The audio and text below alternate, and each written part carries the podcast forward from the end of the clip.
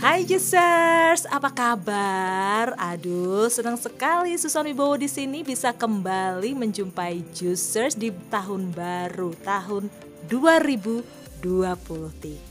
Podcast Jus Markisa, segernya seger banget.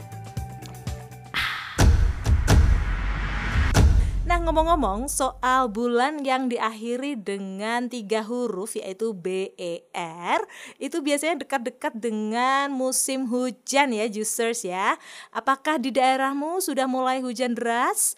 Uh, atau hujan tiap hari atau mungkin mohon maaf ini ya mungkin ada beberapa juicers yang rumahnya atau wilayahnya atau sekolahnya kemarin sempat terkena uh, bencana banjir atau tanah longsor.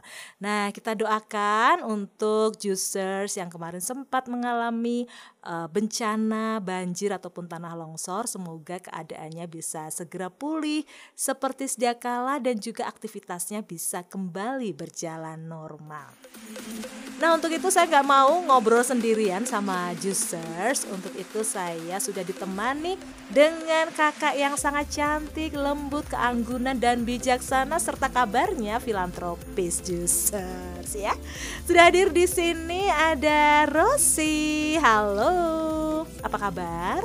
Hai Susan, kabar baik. Mudah-mudahan sehat semuanya ya. Dan kita juga baru aja nih ya selesai dari sakit batuk. Yoi. iya. Penyintas ampun. sakit batuk dan flu. Betul. Sekarang kayaknya sakit batuk lama banget gitu ya sembuhnya ya, Iya. berminggu-minggu loh. Ya. Udah berapa kilo kencur yang dihabiskan? Em, kemarin masih Sekilo? hitungan, ya masih hitungan kiloan lah. Ah, ah. Cuman sudah susah nyarinya ke pasar-pasar. begitu ya. Selain karena becek Mm-mm. juga barangnya juga sudah susah untuk Langka dicari. gitu ya. Iya. Jadi sekaligus kita di sisi satu ada sisi positif, ada sisi negatifnya juga ya. Betul. Untuk para petani kencur, jahe dan serai ini adalah rezeki ya Iya. karena kita udah Menggerakkan ekonomi. betul menggerakkan Iya. perekonomian rakyat. Iya, Berat iya, banget. iya. Padahal mau kita ngomongin Hari Kesehatan Mental Iya. Internasional. Nah, ini tadi Rosi katanya membawa kabar terupdate nih masalah kesehatan mental. Ada peristiwa apa itu yang di Jogja?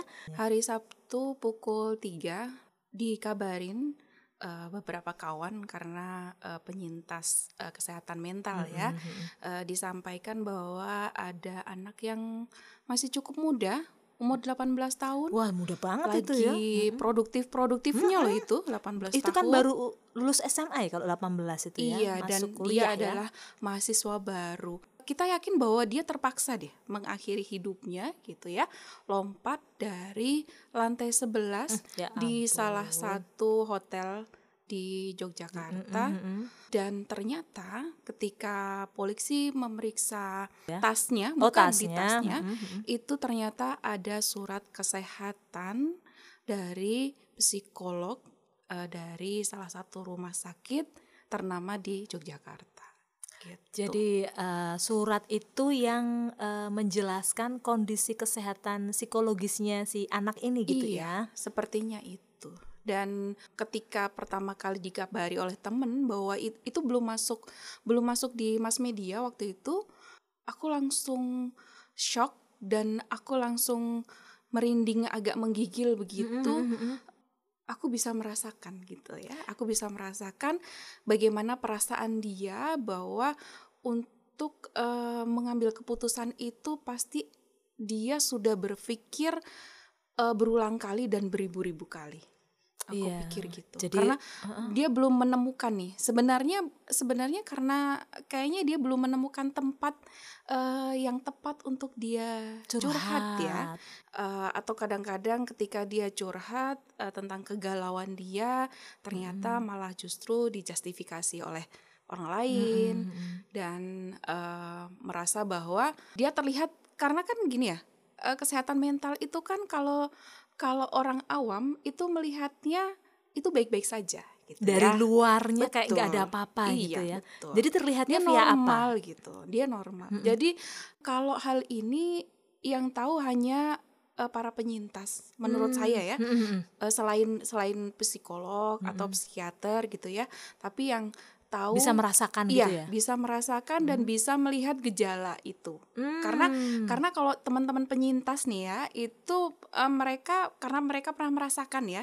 Jadi eh, bisa tahu nih, bisa melihat Mm-mm. eh, gejala-gejalanya seperti apa. Iya, jadi Rosi ini penyintas gitu ya. Jadi ketika mendengar kabar itu tadi kayak Iya. semacam flashback gitu atau traumatis Iya. atau gimana? Kata yang tepat. Iya, semacam apa ya? Jadi lebih tepatnya sebenarnya kayak diaduk-aduk jadi sedih lagi gitu ya. Hmm. Jadi eh, lebih apa ya? Bukan bukan haru sih, tapi lebih ke sedih. sedih, Sedih, gitu ya. karena eh, di usia itu eh, dan kita gitu ya, kita tidak bisa memberikan pertolongan apa pun. Iya, betul itu ya itu itu yang yang paling paling bikin aku sedih ya Heeh. paling bikin aku Oke. sedih itu seperti itu Sekarang kita dari perspektif orang tua ini ya. Mhm. Karena itu kan tadi umur 18 ya. Iya, baru 18 aja lulus tahun. SMA, barusan happy-happy lulus sekolah, masuk Iya. ke perguruan tinggi yang nggak main-main ini Ih, perguruan bergengsi. tinggi yang bergengsi ya kan. dengan jurusan yang bergengsi pula Luar biasa gitu kan? Iya. Makanya eh, dari perspektif sebagai orang tua. Kalau tadi kan sebagai penyintas Iya. otomatis sudah punya bekal ini. Kalau Iya, memasuki betul. orang tua, masa-masa orang tua. Itu tadi kan sedih gitu kayak diadu-adu kayak dia kok kasihan nggak nggak punya temen curhat yang pas Iya. gitu. Kalau misalnya orang tuanya si anak ini kira-kira gimana? Apa yang harus dilakukan atau mungkin agar kejadian serupa tidak terjadi di keluarga yang lain itu gimana ya enaknya? Selain kan nggak semua orang paham ya Betul, ciri-cirinya tadi ya, Iya, gejala-gejalanya tadi kan hanya yang berpengalaman gitu, Iya. yang punya background. Iya. Itu gimana ya Rosi? kebetulan aku punya anak yang usianya sekarang memasuki 19 tahun ya usia Mirip 19 ya. tahun ya heeh. kemudian dia juga kuliah juga gitu kalau aku selalu eh, bangun komunikasi. Yang pertama bangun komunikasi terlebih dahulu. Bangun komunikasi apa pun itu kita selalu terbuka sampaikan bahwa ketika ada masalah sampaikan. Nggak perlu khawatir terhadap orang tua. Kita orang tua juga harus punya pikiran terbuka ya. Artinya bahwa eh, kita nggak bisa kemudian semena-mena oh kamu nggak bisa seperti ini. Oh kamu masih mending kamu seperti itu. Nah kata-kata mending itulah yang pada akhirnya membuat apa ya kita itu eh, kita saya jadi apa namanya aku jadi flashback ya dulu Mm-mm, bahwa mm. ketika Iya, karena berkaitan keti- kan iya, ini, iya. betul ketika aku aku apa namanya pada saat aku harus berjuang itu eh, aku selalu berpikir bahwa ketika ada ketika ada apa namanya ada orang lain gitu tanya kondisiku dan aku cerita dia pasti masih bilang bahwa ih kamu mending mending loh kamu begini mending loh Oh. kamu begitu Jadi bahwa- kayak kayak kamu tuh kurang bersyukur gitu kata lainnya gitu ya. iya, jadi Kata mending seolah- itu tadi iya, ya. seolah-olah itu padahal eh, ketika aku merasakan itu ada saatnya aku down banget, Mm-mm. aku saatnya depresi banget itu aku nggak butuh sebenarnya aku nggak butuh eh, kalimat bijak orang Masukan-masukan gitu, gitu ya. nggak ya? Ha-ha, Mm-mm. betul. Sebenarnya para penyintas ini, para penyintas kesehatan mental ini sebenarnya hanya butuh untuk didengarkan. Butuh gitu. telinga dan Betul, hati. Betul. Hmm. Dengarkan apa keluh kesahnya, apa masalahnya. Gitu aja. Sebenarnya cuma butuh didengarkan saja biar dia tidak merasa sendirian. Nah, Ketika dia merasa sendirian, nanti ada kalimat-kalimat negatif yang masuk. betul betul betul. Toh orang nggak peduli lagi kok. Toh kamu bukan siapa-siapa kok. Toh kamu nggak nggak ada gunanya kok kamu kok gitu. Jadi eh, Muncul ya itu ya? muncul, Kalimat muncul. negatif itu kalimat di- negatif itu muncul dan itu bertahun-tahun eh, akan seperti itu gitu loh. Jadi eh, kita sebagai kalau tadi eh, inline ya eh, sebagai orang tua, eh, aku selalu bilang bahwa kamu anak hebat, kamu istimewa dari sekian kalau dari dilihat dari prosesnya aja ya, dari sekian juta atau sekian puluh juta sperma gitu ya, kita ngomongin dewasa nih. Nah, itu dia sudah menjadi yang terhebat Betul. gitu kan mengalahkan sekian juta, sekian puluh juta. Terus kemudian dia bisa lahir ke dunia, kemudian bisa sampai dewasa, bisa sampai bertahan dengan gempuran-gempuran.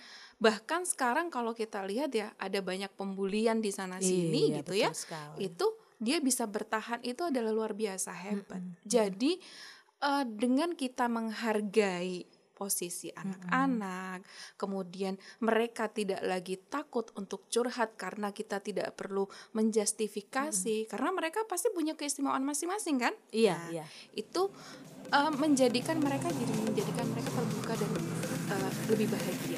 Jadi nggak butuh piala atau Enggak. sertifikat atau ijazah dulu ya untuk kita apresiasi orang tua apresiasi nggak butuh itu dulu ya. Mereka sudah jadi juaranya di hati hmm, orang tua. Hmm, seperti itu ya. Jadi gitu ya Juicers ya ini uh, insight yang sangat bagus yang sudah di share oleh Rosi sebagai orang tua. Kalau misalnya Juicers saat ini jadi orang tua yang memiliki anak baik yang masih usia dini iya. maupun yang anak-anak maupun yang pra remaja dan iya. masuk remaja iya. itu kita harus itu tadi ya menghargai iya. keberadaan iya. mereka terutama yang usia dini dan ABG dewasa mm -hmm. ya mm-hmm. ABG dewasa. Jadi usia dini itu kan uh, sedang berkembang nih ya, hmm. apa namanya golden age gitu ya. Kalau para ahli bilang kita bisa memberikan afirmasi positif terhadap mereka dan ketika mereka nanti menjelang ABG menjelang dewasa kita memang juga harus memberikan penguatan-penguatan it's okay not to be okay gitu kan hmm. jadi sampai ada ada film seperti itu ya. Betul. ya jadi nggak apa-apa kalau lagi nggak oke okay, nggak apa-apa ngaku aja iya, gitu ngaku ya aja kita dan yang dengerin kok, gitu. harus siap oh, gitu iya, ya iya. jangan langsung ngejudge gitu